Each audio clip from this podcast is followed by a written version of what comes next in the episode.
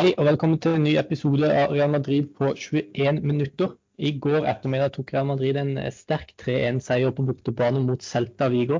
Eh, det er et, eh, en bortekamp som ofte er ganske tøff for mange lag i La Liga, eh, men Real Madrid har hatt god kontroll der de siste sesongene, og de fikk med seg tre viktige poeng også i går. Med meg til å prate om denne kampen har jeg Shayan. Velkommen skal du være. Tusen takk. Eh, før vi prater litt om, om eh, de fantastiske prestasjonene i denne kampen og noen av de flotte målene, så vil jeg bare prate litt om den eh, startelveren som vi fikk i går. For der var det noen overraskelser. Det var nok mange som hadde sett for seg at Ramos skulle få fortsette å spille seg i form før det tøffe oppgjøret mot Liverpool i Champions League. vi kan jo bare røpe det med en gang. Jeg glemte å nevne det i introen, at Real Madrid møter jo altså Liverpool i Champions League. Det skal vi prate litt om mot slutten av episoden. Eh, men han eh, ble ikke med i troppen. Fikk seg en liten trøkk mot Atalanta, eh, og ikke i laget. Det gjorde at Nacho kom tilbake, som for så vidt er bra, og Federico, Valverde inn på høyre kant. Hva tenker du om det, det laget der? Og kan du gi oss en liten oppdatering på Ramas skade og betrygge oss litt? Nei, jeg syns egentlig ikke det var en så overraskende elver. For jeg visste jo at Ramos ikke ville bli med, for han var jo ikke med i troppen. Og det spekuleres faktisk i at det er en sliten smell han har fått seg på trening. Men Zidane sa på pressekonferansen at det var bare for å være på den trygge sida, og at det ikke er noe alvorlig med han, og at han kommer til å spille landskamper for Spania nå i, i landslagspausen. Og det at Fede Valverde kom inn som eh, høyre midtbane. Det er egentlig ingen overraskelse, det heller. For det har han gjort ganske ofte under Zidane. Når Zidane bruker Fede Valverde og vil ha ham på midtbanen sammen med Kroos, Modic og Casemiro, så blir det faktisk ofte sånn at hans utgangsposisjon er ute til høyre. og Det syns jeg for så vidt funka veldig greit. Jeg syns det er noe rett og slett veldig betryggende når du har Fede Valverde og Casemiro på banen samtidig, for du vet hva de står for, og de gir deg en del muskler og kraft på den midtbanen. Mm. Ja, du ser jo Real Madrid egentlig spilte i en uh, slags sånn 4-4-2, men jeg syns bare Federico Valverde spilte var en betraktelig mer utprega høyre kant, høyre breddeholder enn det han kanskje har vært litt tidligere. Og det synes jeg, fordi at Modric la seg på en måte ved siden av Kroos og Casemiro, framfor at han kanskje hadde trukket litt opp og vært en sånn tier, sånn som han har pleid å være når de har spilt sånn. Så jeg syns egentlig at det, det, var en litt sånn spesiell posisjon å sette han i. Jeg hadde egentlig kanskje heller, heller sett eh, Rodrigo hvis man først skal spille med en sånn høyrekant. Men Federico Valverde har mange egenskaper som gjør at han passer i den posisjonen. Og det fungerte helt, helt greit, eh, vil jeg si. Eh, Real Madrid spiller jo en ganske bra eh, start på kampen, iallfall. De får eh, en, en tidlig skåring. Eh, og hva skal vi si om den Cross-pasninga til Benzema i forkant av 1-0? Nei, jeg vet egentlig ikke hva jeg skal si om det annet enn at Tony Cross fort er en av få spillere i verden som er i stand til å slå sånne pasninger. Ingen hadde forventa det. Det var så trangt, og så finner han fram den sylfrekke pasninga der med venstrebeinet som gjør at Benzema enkelt kan Real, sende Real Madrid i ledelsen. Det var rett og slett helt fantastisk av Tony Cross, som eh, som nå er oppe i åtte målgivende pasninger i La Liga for øvrig. Det er like mange som Jago Aspas og Lionel Messi, noe som sender han til topps på den assist-lista i La Liga. Ja, det, det, var en helt fantastisk kamp av Tony Kaas. og Kaas har gjort det som, uh, gjort det som vane å spille fantastiske kamper borte mot Celta Vigo. Vi husker jo den første kampen det var faktisk sesongåpninga i fjor uh, mot Celta Vigo på Baleidos. Da skåret han jo det vanvittige langskuddet. Eh, og også i går så leverte han en helt strålende kamp. Og Cross er en spiller eh, vi ofte gir mye ros, men en spiller som jeg føler har kanskje resten av fotballverden, har kanskje folk som ikke følger Real Madrid så tett, er fryktelig undervurdert. Eh, vi skal prate litt om en annen spiller som er, kanskje er litt undervurdert, men først og fremst Tony Cross. Hvor syns du han er undervurdert, og hvor vil du rangere han blant de beste midtbanespillerne i verden? Nei, altså i den rollen han spiller, syns jeg han er verdens beste midtbanespiller. Men også det er jo ulike definisjoner på en midtbanespiller. Du har jo typer som Casemiro som er et anker, du har Kroos som er motoren i laget, og du har offensive typer som Bruno Fernandes og De Bruyne. Men en av grunnene til at Kroos faktisk er undervurdert, det mener jeg helt oppriktig er fordi han ikke spiller i Premier League. Jeg vet at det der er i ferd med å bli en klisjé, men hvis han hadde spilt i Premier League med den dekninga det rundt den ligaen, så tror jeg han hadde fått mye mer oppmerksomhet. Og det at Real Madrid henta han i 2014 for 25 millioner euro, at han har hatt den karrieren her i Real Madrid, det er rett og slett helt utrolig. Han spiller alltid med sånn ro, han er god med begge bein, blir aldri vippa av pinne og er rett og slett rollemodell for alle midtbanespillere i, i verden. En spiller som sjelden skaper overskrifter, men som alltid leverer. Ja, og det er som du sier, han, han er kanskje ikke den flashy spilleren. Han er ikke den som Han skårer jo langskudd og har et, en vanvittig skuddfot på seg, men det er ikke så veldig ofte. Han skårer ikke så veldig mye mål. Han har ikke så veldig fantastiske driblerøyd eller flotte finter. Og Det er kanskje det som gjør at han, at han ikke får den oppmerksomheten han fortjener av, av resten av fotballverdenen. Rett og slett fordi at han bare gjør akkurat det man forventer av en spiller, men han gjør det til et nivå som ingen andre spillere i verden klarer. Uh, så Det er nok kanskje en, grunn i mine øyne til at han er litt sånn undervurdert. Og som du sier, 25 millioner euro, eh, verdensmester, vunnet Champions League eh, tre ganger med Real Madrid. Eh, ja, rett og slett en, en, spiller Real Madrid kommer til å savne den dagen han gir seg. Eh, og, og, definitivt en av verdens beste midtbanespillere. Og det var jo også han som eh, la opp til det andre målet, to assist i går. Eh, det var jo en stor tabbe, må vi si, av ja, det var vel Renato Tapia på midtbanen til Celta Vigo som mista han. Men Kroos snappa ballen, spilte rett til Karim Benzema som satte inn eh, sitt andre for dagen. Sitt 17. Eh, mål, tror jeg, i, Champions, i La Liga totalt. Eh, fikk han opp rett bak Luis Suárez på den toppskårerlista. Og seks mål på de siste fire kampene etter at han kom tilbake fra skade. Karim Benzema, er han verdens beste spiss? Uh, nei. Det, også jeg holder fortsatt Robert Lewandowski over uh, Benzema. Men jeg syns faktisk det er verdt å begynne å ta den debatten nå. For at Benzema mm. har levert helt fantastisk i tre sesonger på rad nå etter at Cristiano Ronaldo dro. Og for Benzema han er så mye mer enn en, bare en målskårer. Han har også seks målgivende i ligaen i år. Han, han er rett og slett en student av det spillet her, hvis det er lov til å si. Han gjør som regel alltid de riktige tinga, det være seg foran mål eller komme dypt i det oppbyggende spillet. Han er, så, han er rett og slett en lagspiller. og Han har bare veldig mye ved seg som gjør at jeg mener at han er blant de tre-fire beste spissene i verden. Men han har kanskje ikke den samme råskapen som det Robert Lewandowski har foran mål. Så det er jo kanskje det som gjør at jeg holder Robert Lewandowski foran han. For han produserer jo et latterlig høyt antall skåringer, polakken i Bayern. Ja, jeg er helt enig med deg. Jeg tror det skal litt til for å nærme seg Robert Lewandowski, iallfall det han har levert. Eh, det er jo egentlig spesielt i de to-tre siste sesongene hvor han bare har begynt å skåre enda mer mål.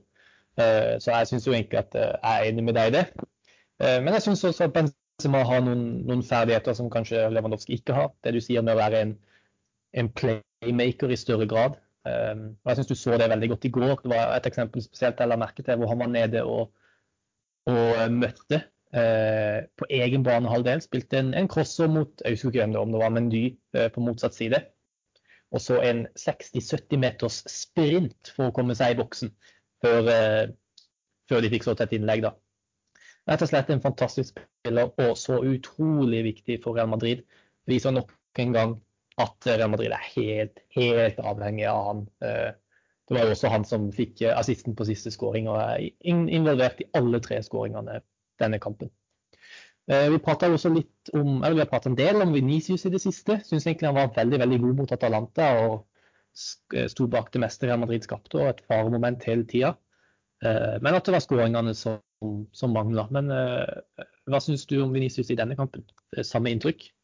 Nei, dette var Altså, dette er litt sånn klassisk Venicius. Han går fra det helt fantastiske til å av og til bare være veldig middelmådig. Og dette var en kamp av sistnevnte sort. Jeg syns ikke han gjorde seg bort. Han spilte ingen dårlig kamp, men altså han klarte ikke å utfordre spillere i samme grad som da han gjorde mot Atalanta. Han var ikke like, like delaktig i det offensive spillet. og Han kom jo til en del avslutningsmuligheter som så alltid ikke treffer mål. Så dette var en middelmådig kamp av Vinicius. Og det er jo det som er problemet hans. Hvis han på sikt skal bli en verdensklassespiller, så må han levere mer stabilt enn det han gjør akkurat nå. Ja, definitivt. Og han hadde jo en gigantisk målsjanse i går også, eh, som kom litt, eh, han kom veldig raskt på han. Det var et innlegg fra Karim Benzema som han egentlig bare trengte å han trengte egentlig bare sette fram hodet, så hadde ballen gått i mål. Men jeg, tror ikke han helt forventa at han kom til å komme. At, at bare han kom til å få ballen, altså. Eh, og det er jo kanskje det som skiller eh, Venezia Junior fra spillere som kan skåre mål. At han ikke klarer å forutse at den ballen kommer. At han ikke klarer å posisjonere kroppen sin riktig for å få den ballen i mål. Eh, og Vi skal prate litt om Ascencio etterpå, for han har åpenbart den egenskapen. Eh, og Det er jo fryktelig synd, men vi har prata mye om Venicius, og, og, vi har vel egentlig håp om at han, han kommer til å forbedre seg på den fronten. Vi får håpe på det. Ja. Så Real Madrid, jeg syns egentlig Real Madrid er fantastisk gode, iallfall før de skårer den 2-0-skåringa. Og de har jo stålkontroll. Um, hvordan vil du rangere den første ja, halvtimen fra Real Madrid i går? Uh, hvor, gode var de egentlig? Var de like gode som de var mot Atalanta, eller var det et steg ned? Eller hvordan syns du Real Madrid presterte totalt sett? i begynnelsen? Også, Nei, den, eh, egentlig den første omgangen der, og kanskje spesielt den halvtimen, det kan ikke være langt unna sesongbeste av Real Madrid. De var heltente. Presset det var rett og slett helt fantastisk. Og du så at Celta Vigo-spillerne de ble stressa, de kom ikke med de riktige løsningene. Og Real Madrid de de drepte rett og slett Celta Vigo i form av det presset de hadde. og Med ballen var de som alltid gode. Det var mange kombinasjoner. Det gikk raskt i lengderetning. og Jeg så også reaksjoner på Twitter. og da var det De spanske journalistene de har jo kritisert Real Madrid mye denne sesongen, men da var det mange av de som la ut en tweet at hvis det er sånn Real Madrid skal spille resten av sesongen, så er det ingen som helst tvil om at de kan gå langt i Champions League og til og med vinne La Liga. Ja, jeg er egentlig enig med deg. Jeg syns det var en fantastisk prestasjon. Jeg syns vi begynner å si det oftere og oftere, og det er jo litt gøy, da. Jeg syns Real Madrid fortsatt har mye dårlige kamper, og de mangler fortsatt en del mål i laget fra andre enn Benzema. Men jeg syns egentlig at de har spilt mye gode kamper nå. Og det er selvfølgelig veldig gøy å se, og vi får håpe at de klarer å holde det oppe eh, når de går inn i en viktig fase av sesongen. Det som da er mindre betryggende, det er den andre omgangen Real Madrid spilte.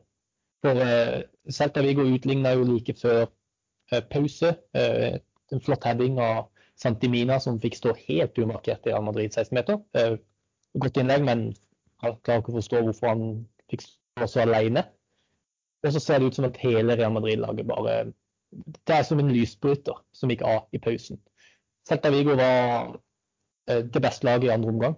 Eh, og det, det, det kunne fort ha stått 2-2 på flere tidspunkter. Hva, hva tenker du om den andre omgangen? Var det bare var det bare intensiteten som falt? Det er jo noe Zidane er veldig glad i å prate om. Han, han, prater ofte om intensitet. Var det det som falt da? Trodde de kanskje at de hadde vunnet kampen? Eh, hva, hva, tenker du der? Nei, jeg, tror på, jeg tror fortsatt Real Madrid er et stykke unna å kunne levere to omganger av det vi så i de første 45. De er definitivt på riktig spor, men de er ikke helt der enda. Og i andre omgang så var det som du sa, da falt intensiteten. Men så skal også Celta Vigo ha kudos for måten de framsto på i andre omgang. De begynte å vinne mange 50-50-baller. De begynte å presse, de begynte å spille. og Da fikk jo Real Madrid det tøft. Og så må vi huske på at La Liga, det er, tro det eller ei, det er en fryktelig tøff liga. så at man Altså, I spansk så brukes det et begrep som heter sofrir. og Det, på, det er på en måte et mm. positivt lada begrep om at man må suffer. Man må slite for seieren. Og det måtte Real Madrid gjøre i går. Og jeg er egentlig ikke så bekymra. De, de, har hatt et tøft kampprogram, de har hatt mange skader. De hadde nok en del slitne bein etter den Atalanta-kampen, så at andreomgangen var et par hakk ned fra førsteomgangen, det må man nesten bare godta. Og så tenker jeg at vi må heller se på det positive. At de klarte å sofrire, og at de klarte å holde på på seieren og dra det i land. For det er en styrke, det også. Og sånn, sånn som Zidane sa etter kampen, det var vel Edo Agirres, en journalist, som spurte. og Da sa Zidane at du kan ikke forvente at vi skal skåre fire, fem, seks mål hver kamp. Fotballen, Den moderne fotballen har bare blitt tøffere og tøffere, og det blir tøffere og tøffere å vinne kamper. også, så jeg tror ikke Zidane heller var så bekymra for det de leverte i den andre omgang. For det de sitter igjen med nå, det er tre poeng. Ja. Så jeg tenker jo det at ting fort kunne gått veldig annerledes. I Iago Aspas hadde jo et frispark som han uh, forresten aldri skulle hatt. Helt uforståelig at det ble blåst frispark der, men det er en annen sak. Uh, men som han satt i, i stolpen. om den hadde gått inn, så hadde det jo vært 2-2. Da hadde man hatt prata om noe helt annet. Så jeg synes på en måte, jeg er enig i at de viste styrke mentalt. De klarte å holde unna et høyt felt av press, og de klarte å og, og vippe kampen i sitt favør. Men det skal ikke mye til. Det, ikke, det var bare marginer som, som, skulle til for at uh, de fikk med seg og Det kunne fort, fort gått andre vei. Ja, og du vet, og du vet det som Og det er akkurat det, det er jeg helt enig med deg i. og Det er rett og slett bare sånn Real Madrid har blitt denne ja. sesongen. Og det er jo at de skårer ikke nok mål. 49 mm. mål i ligaen. Selv Atletico Madrid har mer, selv om det er bare ett mål mer. Men du ser hvor jeg vil hen. Og, det, ja. og, de må, hvis de skal vinne ting på sikt, spesielt ligaen, så må de lære seg å drepe disse kampene tidligere. De må få inn den tredje skåringa, de må få inn den fjerde skåringa. Og akkurat der så er jeg litt uenig med Zidane, faktisk. For jeg syns ikke altså, hva, Hvorfor skal ikke Real Madrid kunne skåre tre, fire, fem mål i hver kamp, selv om jeg setter det litt på spissen. Men de kommer jo til store sjanser. De klarer jo å kontrollere kamper. Så hvis du på en måte bare hadde bytta Venicius ut med en, ja, med en eh, Mohammed Salah, en Kylian Mbappe, en Erling Braut Haaland, så hadde jo ting sett helt annerledes ut. Ja, og jeg er helt enig. Hvorfor skal ikke Real Madrid klare å drepe en kamp de leder 2-0? Det, uh, det, det, forstår ikke jeg. og jeg er enig i at det er en styrke å kunne altså slite, altså få sånne sliteseiere. Men jeg syns allikevel at man må, man må kunne håpe på litt mer fra Real Madrid når man har en 2-0-ledelse og spiller en fantastisk førsteomgang. Eh, men uansett, eh, de fikk med seg alle tre poengene. Ascensio kom inn på slutten og viste Venicius hvordan man skårer mål. Eh, satte ballen inn Altså, det var jo Han sto vel en halvmeter fra mål og satte ballen i mål med, med kneet, men allikevel så er det jo Ascencio da, som kommer inn på andre kamp på rad og skårer mål. Eh, har vi, vi har prata mye om Ascencio, men nå har han altså to mål på to innhopp. Ja, så jeg står egentlig for det jeg sa for noen episoder siden, at jeg tror dessverre ikke at Marco Ascencio er god nok for en startelver i Real Madrid. Men jeg vil gjerne, og veldig gjerne faktisk også, beholde han i den troppen i mange sesonger til. For jeg tror han kan være en veldig fin ressurs å ha når han kommer inn fra benken, eller på en måte når du leder kamper og vil bare kontrollere banespillet. For han er jo trygg og god i, i pasningsspillet, så jeg vil jo gjerne ha han i troppen. Og jeg syns vi syns det er positivt at han kommer inn fra benken og blir delaktig i skåringer. Det må jo sies at før det målet tror jeg han bare hadde fem-seks touch på banen, så det var jo ikke akkurat noe sånn fantastisk innhopp av han heller. Og Karim Benzema, snakk om å bli, uh, servere en ferdigskåra sjanse, så eh, det skal jo kanskje Benzema ha mest av æren for. Men apropos Ascencio og Venicius, så hadde nok Venicius aldri kommet i den posisjonen Ascencio kom i. Så det er jo en styrke i seg selv. Og nå er han oppe i tre mål denne sesongen. Det er fortsatt ti serierunder igjen, så jeg håper han kan bygge videre på det. Det gjør nok veldig mye for selvtilliten hans. Ja, og han hadde jo hans sine beste kamper og beste prestasjoner har jo vært som innbytter for Real Madrid de sesongene Cristiano Ronaldo fortsatt var der, f.eks. Så hadde han jo flere gode innhopp hvor han var med å avgjøre kamper. Jeg skåret jo bl.a. i, i Champions League-finalen. Så um, ja, kanskje det er en, en, spiller Real Madrid kan ha på benken som kan komme inn og, og være en sånn impact-sub. Uh, vi har et par minutter igjen. Vi, en, vi, kan røpe at vi skal ha en pod i landslagspausen hvor vi skal prate om litt forskjellige ting Eh, bl.a. Eh, trekning av Champions League. Men vi kan jo bare si allerede nå, bare bruke de to siste minuttene på å prate om den, at Real Madrid trakk altså Liverpool. Eh, laget de møtte i Champions League-finalen da Real Madrid vant Champions League sist. Klopp sitt mannskap har jo tatt en del steg siden den tid. Og jeg vil si, Hadde du spurt meg på dette tidspunktet for et år siden, så hadde jeg sagt at Liverpool var verdens beste lag, uten tvil. Men det ser litt annerledes nå. Eh, hvordan, du, hvordan ser du på den kampen? Det, har Real Madrid sjanse? Ja, selvfølgelig har de et sjanse. Jeg, jeg, anser det egentlig som en veldig veldig 50-50 kamp. Jeg syns det er veldig Mm, vanskelig å spå.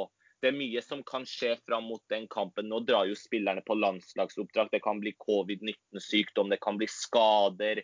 Så det, kan, det er mye som kan skje. Men begge lagene de har egentlig hatt en litt sånn lik sesong. Begge to har egentlig ikke prestert noe særlig hjemlig serie. Selv om Real Madrid virkelig har våkna nå i det siste og kjemper om seriegull, så så det jo lenge mørkt ut for Real Madrid. Også Liverpool de, de jobber jo nå steinhardt for i det hele tatt å klare en topp fire-plassering. Så de har ikke hatt det beste sesongen i hjemlig serie, men i Champions League syns jeg Liverpool har sett bra ut. Og mot Leipzig var det virkelig klasseforskjell. Så, hvis de, så jeg frykter at det kan fort bli at Liverpool blir et av de lagene at de denne sesongen ikke gjør det så bra i hjemlig serie, men at de virkelig klarer å mobilisere når det virkelig gjelder i Champions League. Og jeg tror ikke vi skal underkommunisere hvor revansjelystne de er etter det som skjedde i 2018. Nei. Eh, De mangler jo kanskje Virgil van Dijk, som kanskje er lagets viktigste spiller, men de har en Mohammed Salah på topp der, som sikkert er spesielt revansjelysten. Vi husker jo alle hva som skjedde i den Champions League-finalen, da, da han dessverre måtte gå ut. Men eh, eh, vi får bare krysse fingrene og håpe for at det går fint i landslagspausen, at Real Madrid har fullt mannskap når de skal spille de to viktige kampene mot Liverpool. Eh, det er godt mulig at vi tar et, et litt nærmere blikk på den kampen i landslagspausen i pod-episoden da, hvis dere er interessert i, oss, eh, i å høre på det. Eh, Så skal vi prøve å få det ut. Eh, Da vil jeg bare takke deg som var med i dag, Sjøjan. Så prates vi om en uke. Det gjør Mhm. vi. Eh, Og takk til alle dere som hørte på i dag. Og til neste gang, à la Madrid. À la Madrid.